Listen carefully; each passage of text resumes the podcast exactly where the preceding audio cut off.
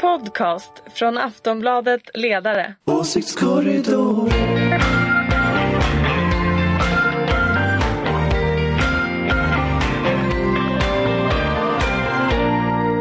Hej och välkomna till Åsiktskorridoren.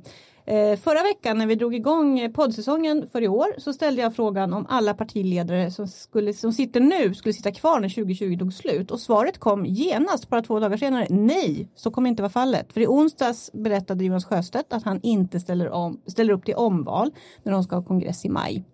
Eh, det här ska vi förstås prata om. Fast vi börjar inte där, utan först ska jag börja med förstås att presentera vilka som är med i veckans Åsiktskorridoren. Vi har Ulrika Schenström som är moderat. Ja, hej. Vi har från Aftonbladets oberoende socialdemokratiska ledarredaktion Jenny Wennberg. Hej. Och vi har på telefon Anders Lindberg. Ja, hej. Hej! Eh, och jag heter Anna Andersson ska jag säga. Anders är inte kvar på Folk och Försvar va? Han är inte kvar på Folkförsvar. Man skulle annars kunna tänka sig att han sitter där sitta och fortfarande och podda. bara poddar och pratar och väntar på att alla kommer tillbaka nästa år. Ja, nej, nu är han på annan ort, men nej, det är inte Sälen. Det är helt sant. okej. Bra påpekande. Som sagt, vi ska förstås prata om Jonas Sjöstedt och vänstern. Men vi ska börja med den nyhet som kom för bara ett par timmar sedan. Nämligen att regeringen tillsammans med sina stödpartier Centern och Liberalerna har kommit överens om att redan i år skjuta till fem välfärdsmiljarder. Eh, 3,5 miljard ska gå till kommunerna och 1,5 till regionerna. Dessutom skjuter man, pengar, skjuter man till pengar till trygghet, kallar man det i vid bemärkelse. Eh, brottsbekämpning, till exempel domstolsväsendet, eh, migrationsdomstolarna, säkerhetspoli, eh, säkerhetspolisen eh, och Rättsmedicinalverket och några fler instanser kommer att få några friska miljoner redan i år. Eh, snabb fråga, är det här nog? Nej men det är det nog inte men det är ju bra att de börjar prata om välfärd nu. Det har jag tjatat om länge. Det är ju en av de stora problemen som man Fast det har här är haft. inga med... reformer, det här är bara lapp och laga. Nej, är det, det, inte? det är någon som ändå har tänkt på att det måste ändå komma lite fokus på, på välfärden. Jag tror att det har jag tjatat om länge. Sverigedemokraterna finns inte eh, på grund av att alla andra är så bra men också därför att eh, folk har oroat sig för sina väl, sin välfärd och, och den kris som till exempel man ser i Stockholm just nu så tror jag det är ett smart drag av eh, regeringspartierna. Ja, vi återkommer till den också. Jenny, är det nog? Nej, det är det absolut inte. Ehm, det stod någonstans att eh, 30, i kommuner med 36 000 eh, invånare så handlar det om 12 miljoner extra. Eh, givet de behov som finns ute i landet och att vi eh, redan har konstaterat att eh, utjämning, förändringarna av utjämningssystemet är otillräckliga givet de behov som finns idag men också i framtiden. Så är det väl klart att de här fem miljarderna eh, som ens är oklart om det är några extra pengar ehm, inte är särskilt imponerande och dessutom så får ju det här beskedet idag eh, regeringen att framstå som som någon som springer efter. Eh, och, och, det här borde ha kommit före det fanns politiskt tryck från både höger man- och vänster att lämna För besked. lite för sent kan man säga att du tycker. Ja, det är väl en bra sammanfattning. Ja. Anders, vad säger du? Är det nog? Mm, Nej, det kommer inte vara nog. Men jag roade mig med att googla på eh, fem nya välfärdsmiljarder. Och då får man lustigt nog massa träffar från tidigare år. Mhm. För det här är nämligen samma sak som regeringen har gjort. Eh, En tidigare. tradition? Ja, och En kär Procedures every year. även då var det en och en halv miljard till regionerna och tre och en halv miljard till kommunerna.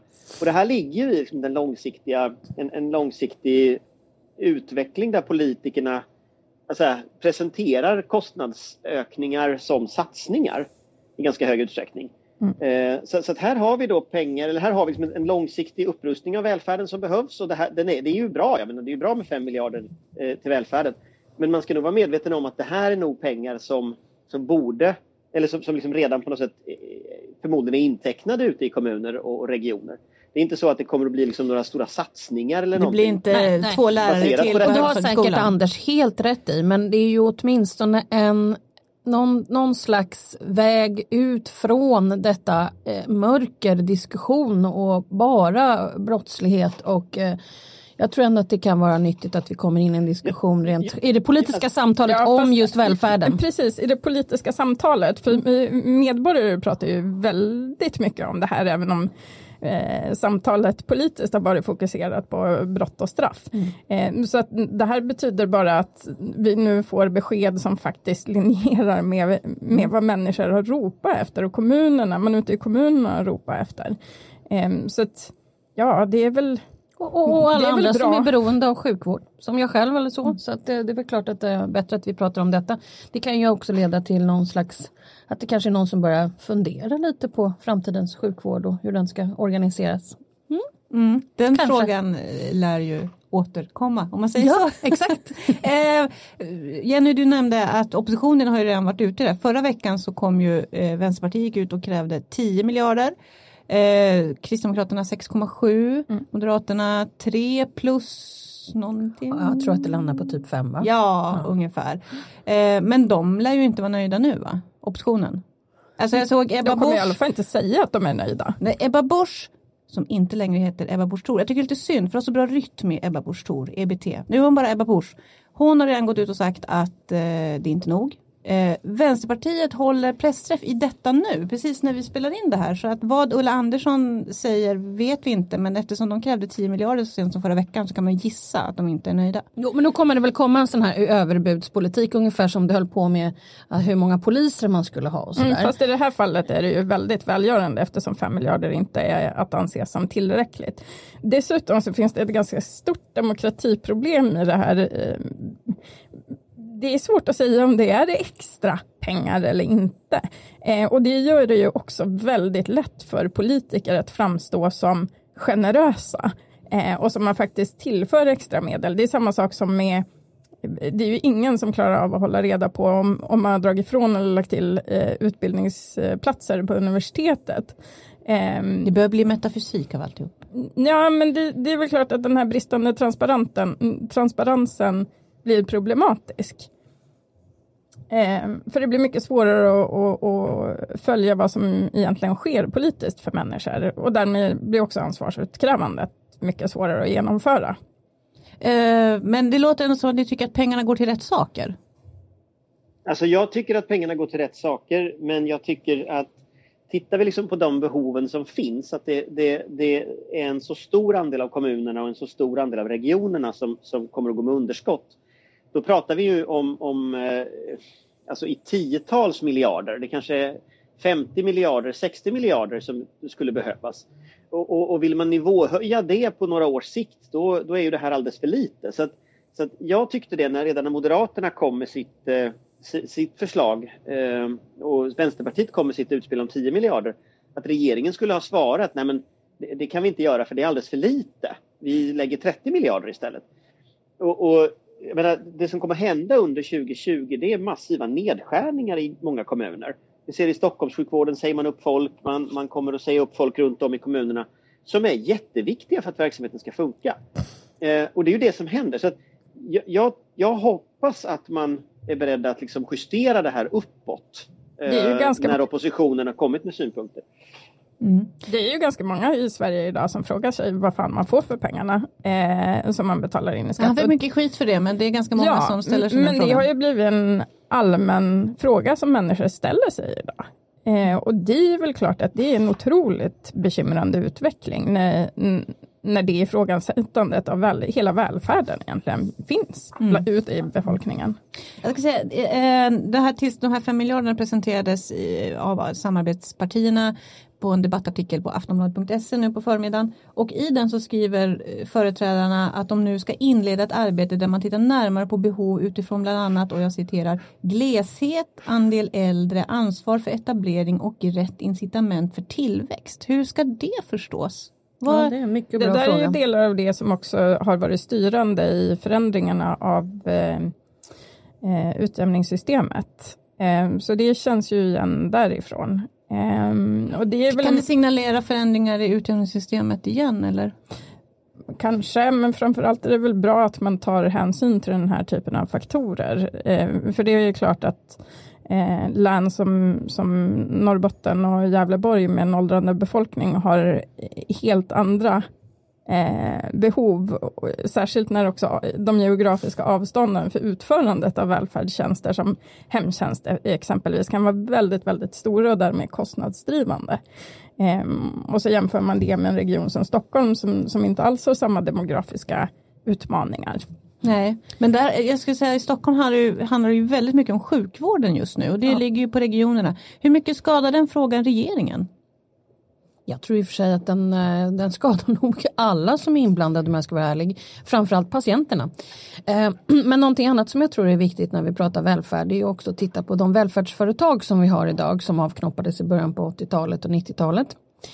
Man kan tycka vad man vill om dem men oavsett vad så finns det många sådana företag inom vård, omsorg, skola.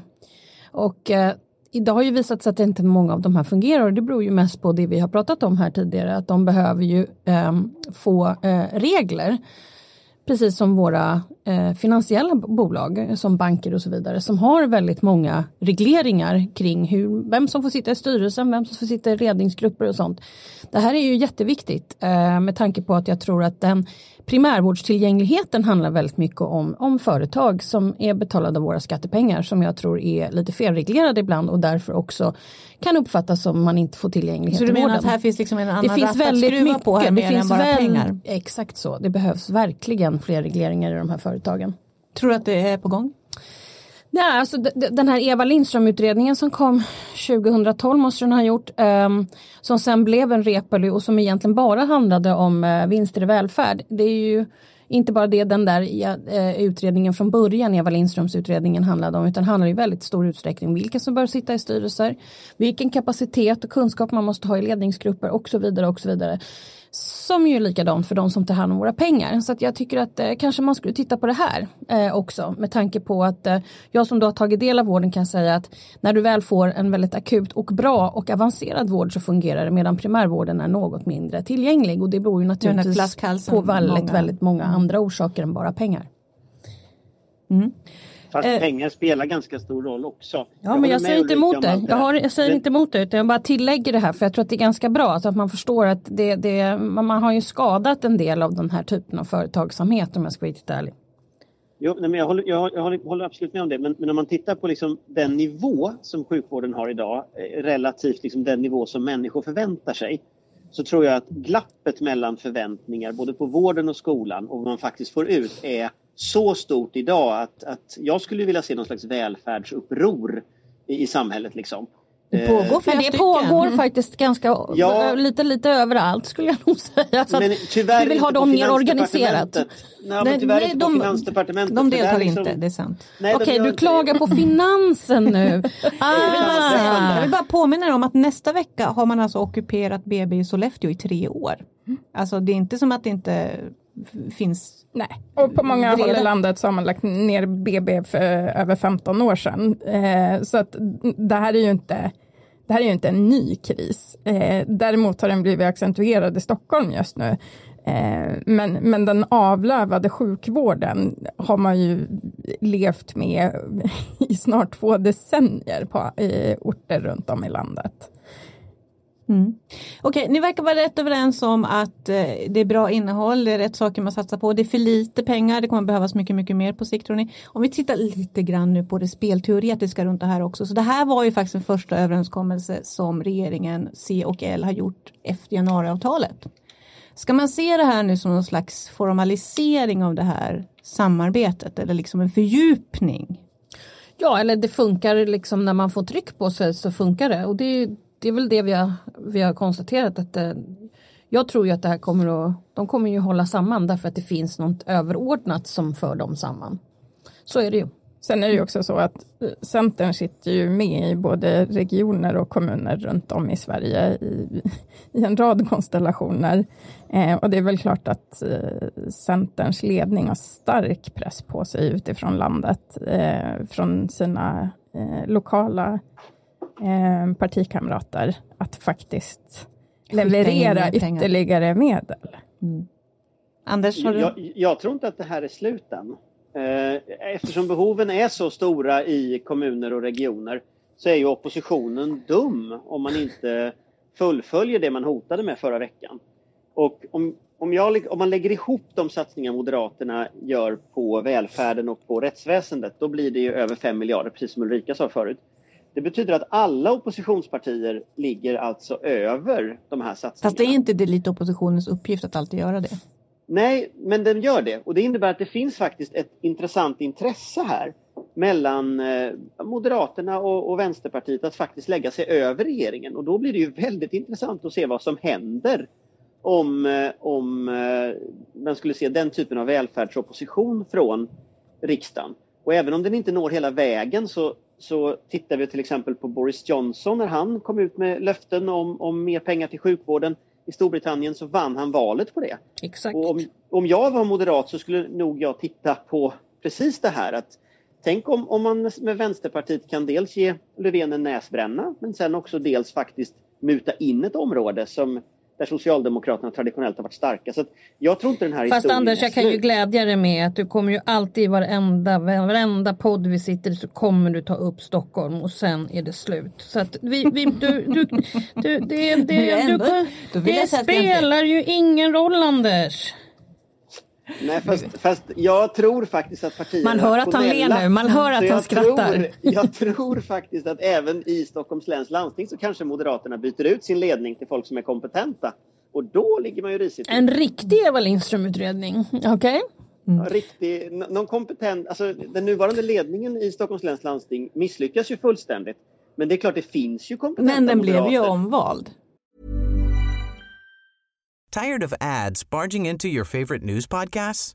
Good news. Ad-free listening is available on Amazon Music for all the music plus top podcasts included with your Prime membership. Stay up to date on everything newsworthy by downloading the Amazon Music app for free or go to amazon.com slash news ad free. That's amazon.com slash news ad free to catch up on the latest episodes without the ads. Ja, fast det betyder inte att den lyckas vidare bra med Vilket vården. faktiskt är helt obegripligt att sossarna misslyckades med att vinna. Det är det faktiskt, är... det är helt, jag tycker egentligen att det borde vara ett helt poddämne faktiskt Anders.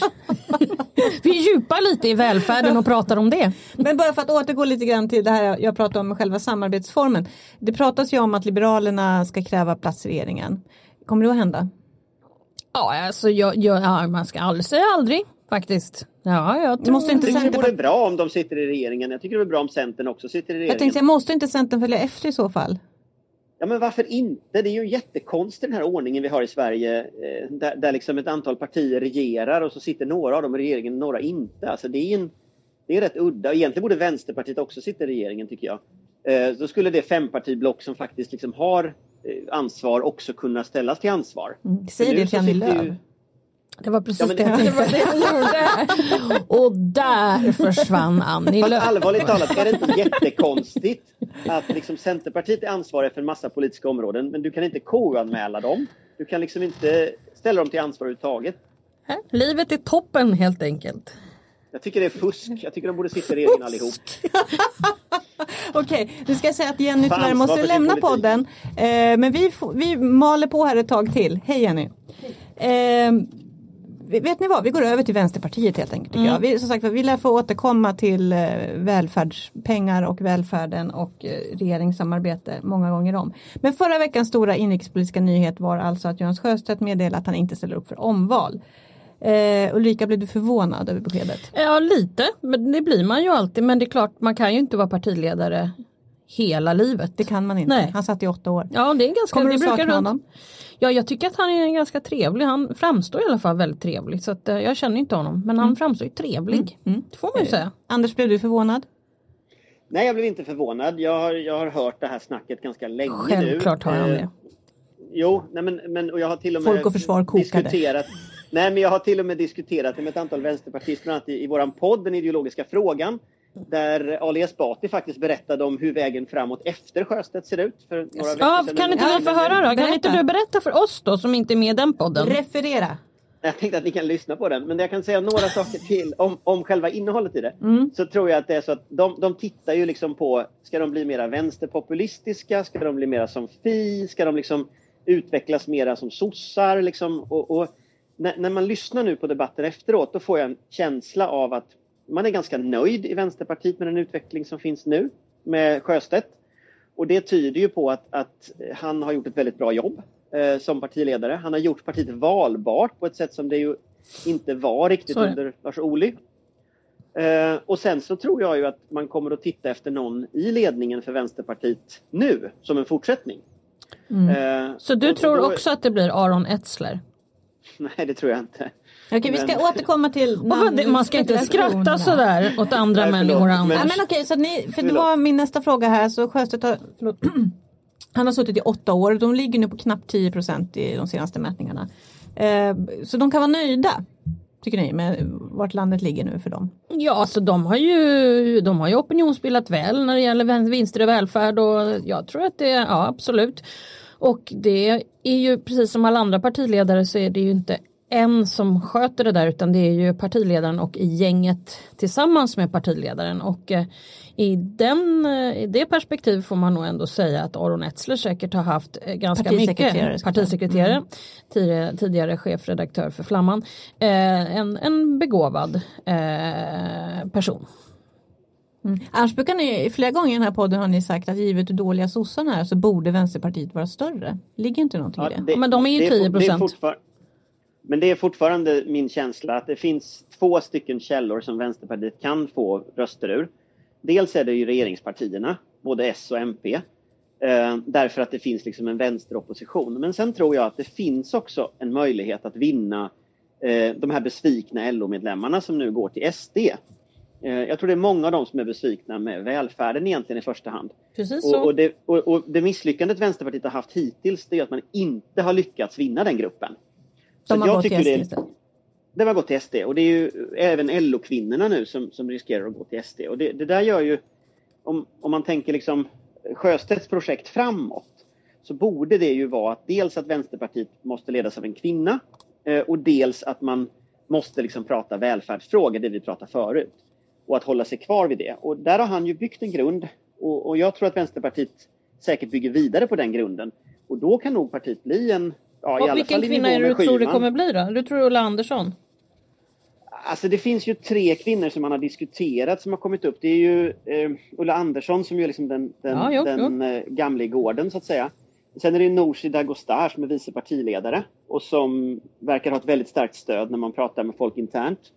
Eh, och sen är det väl en rebell då i form av Rosanna Dinamarca som, som ju väl samlar någon mindre grupp som vill ha en mera radikal politik men, men, men som ändå har en väldigt medial framtoning. Eh, men jag tror ju inte att det är liksom, jag tror inte foten, jag tror inte man kan sätta ner foten riktigt än, men jag skulle titta på de tre.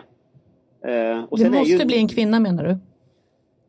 Alltså min bedömning är ju att om Vänsterpartiet ska vinna de grupper som Vänsterpartiet vill vinna, då är det en väldigt stor fördel av att, att ledas av en kvinna.